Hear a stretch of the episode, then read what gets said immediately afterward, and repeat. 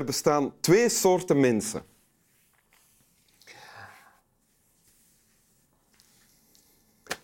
Dat is altijd een goede manier om de aandacht te trekken. Als je niet weet wat zeggen of zo, je denkt van oh, niemand uh, uh, praat tegen mij, dan moet je zeggen uit het niet. Er bestaan twee soorten mensen. En dan moeten zien wat er volgt. Ja. Misschien heb je dan iets te zeggen, misschien niet. Uh, ja, er bestaan de mensen die eeuwig jong willen blijven. En bestaan mensen die graag berusten in hun oude dag en van het leven willen genieten. En zo komen we gelijk terecht bij het thema van uh, wat jij hebt meegebracht, Gies Winnen. Uh, welkom in Winteruur. Gies Winnen van de Skaps natuurlijk, frontman van de Skaps. Een van de twee overgebleven Skaps ja. ondertussen. Mm -hmm, dat klopt. Uh, ja. Volgens Herman Brusselmans de tweede beste skep. De tweede beste skep. nu, hè? Ja, vroeger, ja, ja. vroeger was ik de vierde beste skep. ja, een risicoberoep, hè? Skep zijn. Ja, ja, ja, dat klopt, inderdaad. Ja. En nu van uh, Gies of, de Gies Band, ja. die over een paar maanden met een nieuwe plaat komt, ook, denk ik. Ja, dat klopt. Dansmuziek uh, deze keer? Uh, nee, absoluut niet. Ouderwetse rock en roll. Ik moet u teleurstellen. Uh, ik heb tijdens de corona een veertiental liedjes geschreven en die ben ik nu aan het bewerken met mijn band en die gaan we opnemen en een ouderwetse cd uitbrengen. Ja. Ouderwetse cd met ouderwetse rock en roll. Met ouderwetse rock en roll. Oké, okay. ja. goed. En je hebt een tekst bij? Ik heb een tekst bij. zal ik hem even ja. voorlezen? Bij het ouder worden hoort natuurlijk ook de bril. Hoe oud ben je eigenlijk? Ik ben 61. 61 ja. ja. Te laat? Nee, het is nooit te laat. Zolang het vermoeide hart nog slaat. Cato leerde Grieks op zijn tachtigste. Sophocles schiep toen nog zijn machtige Oedipus. Denk aan Simonides. Die ging aan de haal met een dichtersprijs. Allemaal op de leeftijd der sterken. Theophrastus schreef het grootste zijner werken toen hij al 90 was. Dat nooit te laat klinkt verleidelijk. Stel nou eens dat wij zeventigers de wereld echt aan onze voeten hebben liggen en dat onze creatieve sappen maar doorstromen. Zou Epicurus dan willen dat we stoppen? Had hij het magistrale Oedipus Rex willen missen, zodat Sophocles op het gemakje in een veilige haven kon verkeren? Zonde toch. Anderzijds, wie ambitieus is, is ook nooit klaar. Als het ene levensdoel afgevinkt kan worden, doemt het volgende alweer op. En dan weer één. En de klok tikt door. Daar kan niemand omheen. We raken buiten adem. We nemen geen tijd om te genieten van onze schemerjaren. Om met vrienden wat te filosoferen, muziek te luisteren, herinneringen op te halen. En die kans komt nooit meer terug. Het valt niet mee om een keuze te maken. Mm -hmm. En dit komt uit? Dat komt uit een boekje dat heet De wijsheid van een tandeloze glimlach. Gelukkig ouder worden met Epicurus van Daniel Klein. Is dat niet die van Vaya Condios? Nee. nee. Sorry.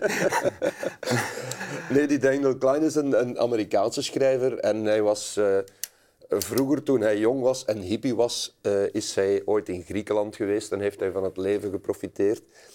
En op een bepaald moment gaat hij naar de tandarts en daar komt hij voor de keuze te staan ofwel een vals gebit laten steken ofwel uh, zeer dure van die stiften laten steken. En dan is hij al oud, dan is hij al niet meer in zijn ja, hippie. Ja, ja. En dan trekt hij met een paar uh, filosofische boeken onder de arm terug naar Griekenland om daar na te denken over zijn oude dag. Hè, en om eigenlijk een beetje te beslissen van Ga ik ambitieus blijven? Ga ik blijven uh, het ouder worden proberen uit te stellen door ambitieus te blijven? Of uh, ga ik er mij bij neerleggen van kijk, ik ben nu eenmaal oud.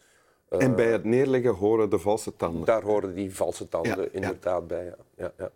En dan een beetje genieten van de oude dag. En dan schrijft hij daarover een boek uh, en hij laat zich inspireren door Epicurus. Uh, door verschillende filosofen, maar Epicurus is eigenlijk uh, de man die in het boek toch het meeste aanwezig is. Ja. En ik ben ja, van opleiding, ik heb in de middelbare school de afdeling wetenschappen gevolgd, dus ik ken de Grieken helemaal niet. Nee?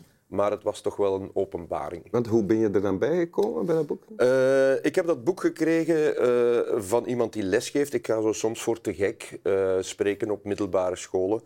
En eh, op een bepaald moment zegt er een eh, lerares tegen mij, ze heet Sabine, eh, van jij hebt heel veel van eh, de wijsheid van Epicurus. En ik kende Epicurus niet. En dan heeft ze mij dat boek cadeau gedaan. En dan heb ik inderdaad eh, ontdekt dat er toch wel wat epicurist in mij zit. Ja. Is het waar, ja? Ik denk het wel. En wat, wat betekent dat dan? Eh, ja, zo op een, op een ehm, eenvoudige manier van het leven genieten. Hè. Pluk de dag, eh, Ja. maar niet met, met exuberante gerechten en verfijnde gerechten, maar de eenvoud van het leven. Ja.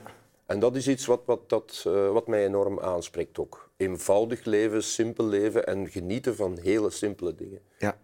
En, en in het stuk dat je dan net hebt voorgelezen, gaat het over hoe ga ik om met ouder worden. Hè? Hoe ga ik om met ouder worden? Want je Eh, bent 61, dat is nog niet dat is nog, oud. eigenlijk is dat nog te jong. Ja? Eh, maar ik ben daar eigenlijk mee geconfronteerd geweest eh, tijdens de coronaperiode. Ja? Ineens viel die drukke agenda weg. Eh, geen twintig telefoons op een dag, geen twintig mails waar je door moet worstelen, geen beslissingen nemen. eh, niet kiezen van dat ga ik wel doen, dat ga ik niet doen. Geen afspraken. Ineens was er niets. Ja. En eigenlijk was dat wel zalig. Dat voelde eigenlijk voor mij een beetje aan als een soort van prepensioen. Ja? Eh, ja, ja, ja, ja. S morgens opstaan. Dus je was ook niet bang daarvoor toen dat dan... eh, Ik heb daar, het is misschien erg dat ik dat moet zeggen, maar ik heb er enorm van genoten in het begin. Dat mag natuurlijk ook niet te lang duren, maar, Ja. maar in het begin heb ik daar enorm van genoten. Ja? Zo die stilte en die rust. En, en op dat moment voelde ik ook dat ik eigenlijk, eh, als je die agenda altijd moet achterna hollen, dat je altijd constant onder stress staat. Ja? En die stress was nu weg. Ik stond 's morgens op, ik dronk een tas koffie, ik nam de hond en ik wandelde het bos in. En als ik dan terug thuis kwam, was mijn hoofd helemaal leeg. En dan dacht ik van, oké, wat ga ik vandaag eens doen? Ga ik wat in de tuin werken of eh, ga ik wat klussen of whatever? En begon je dan ook te denken van, oké, ik geniet hiervan en ik ben nu al 60. Eh, nog niet echt oud, maar dat komt er wel aan. Ja, Ik moet kiezen tussen welk soort leven ik wil als corona voorbij is. Klopt dat? Of, eh? Eh, ik keek er wel naar uit, omdat ik mij dan relatief gezien nog te jong voel. Ik keek er wel naar uit om terug eh, te kunnen gaan spelen, want dat heb ik bijvoorbeeld wel enorm gemist. ja?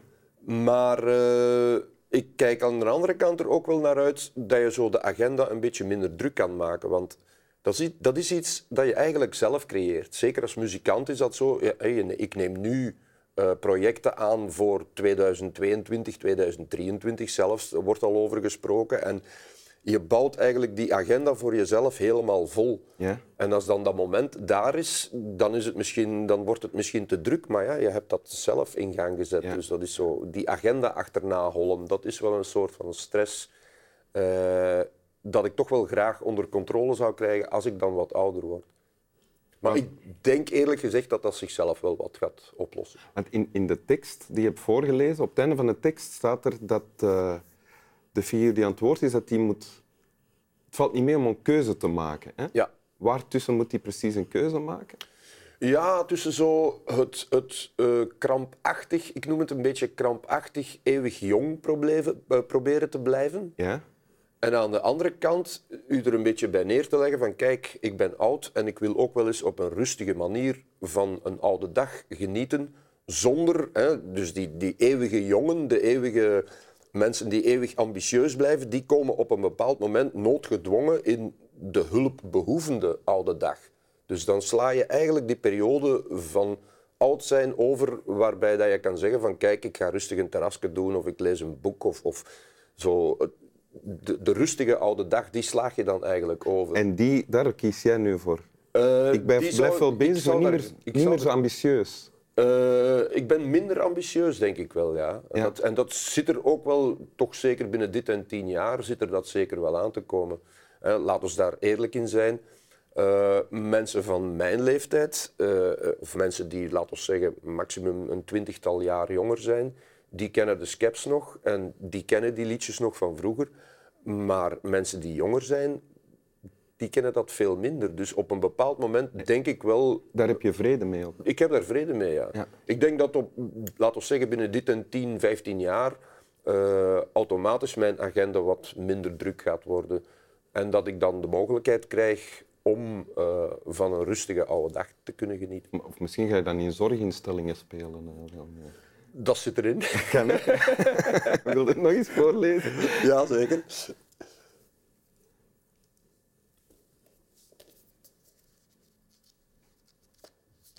Als je nog de enig overgebleven scap bent, dan kan je zeggen, eh, dames, of kunnen ze u aankondigen als dames en heren, de scap.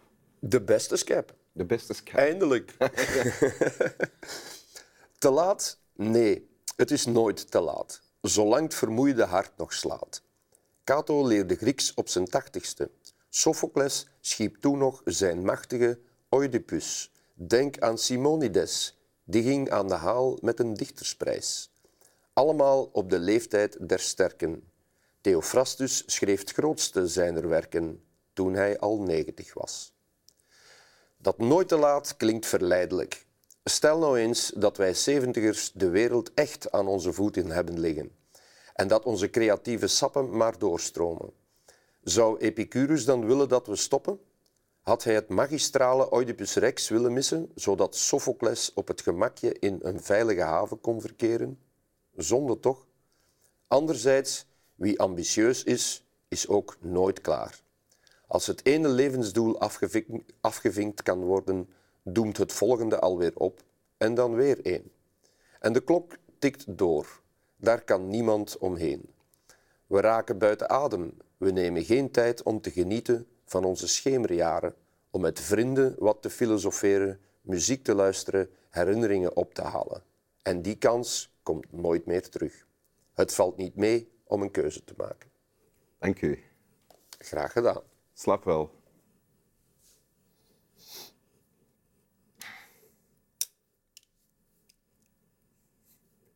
Zeg, scaps, dat zijn toch stakingsbrekers? Hè? Dat zijn stakingbrekers. Ja. ja, het heeft eigenlijk eh, verschillende betekenissen. Ah. Eh, een scab is ook een, een de letterlijke betekenis is een korst op een wonde. Eh, en ik heb het dan eigenlijk in een tijd gezien in de betekenis van stakingbrekers. Ja. En in het New Yorks dialect betekent het dat schijnt een lelijke vrouw is ook een scab. Ah bon, dat klopt allemaal, hè? Ja.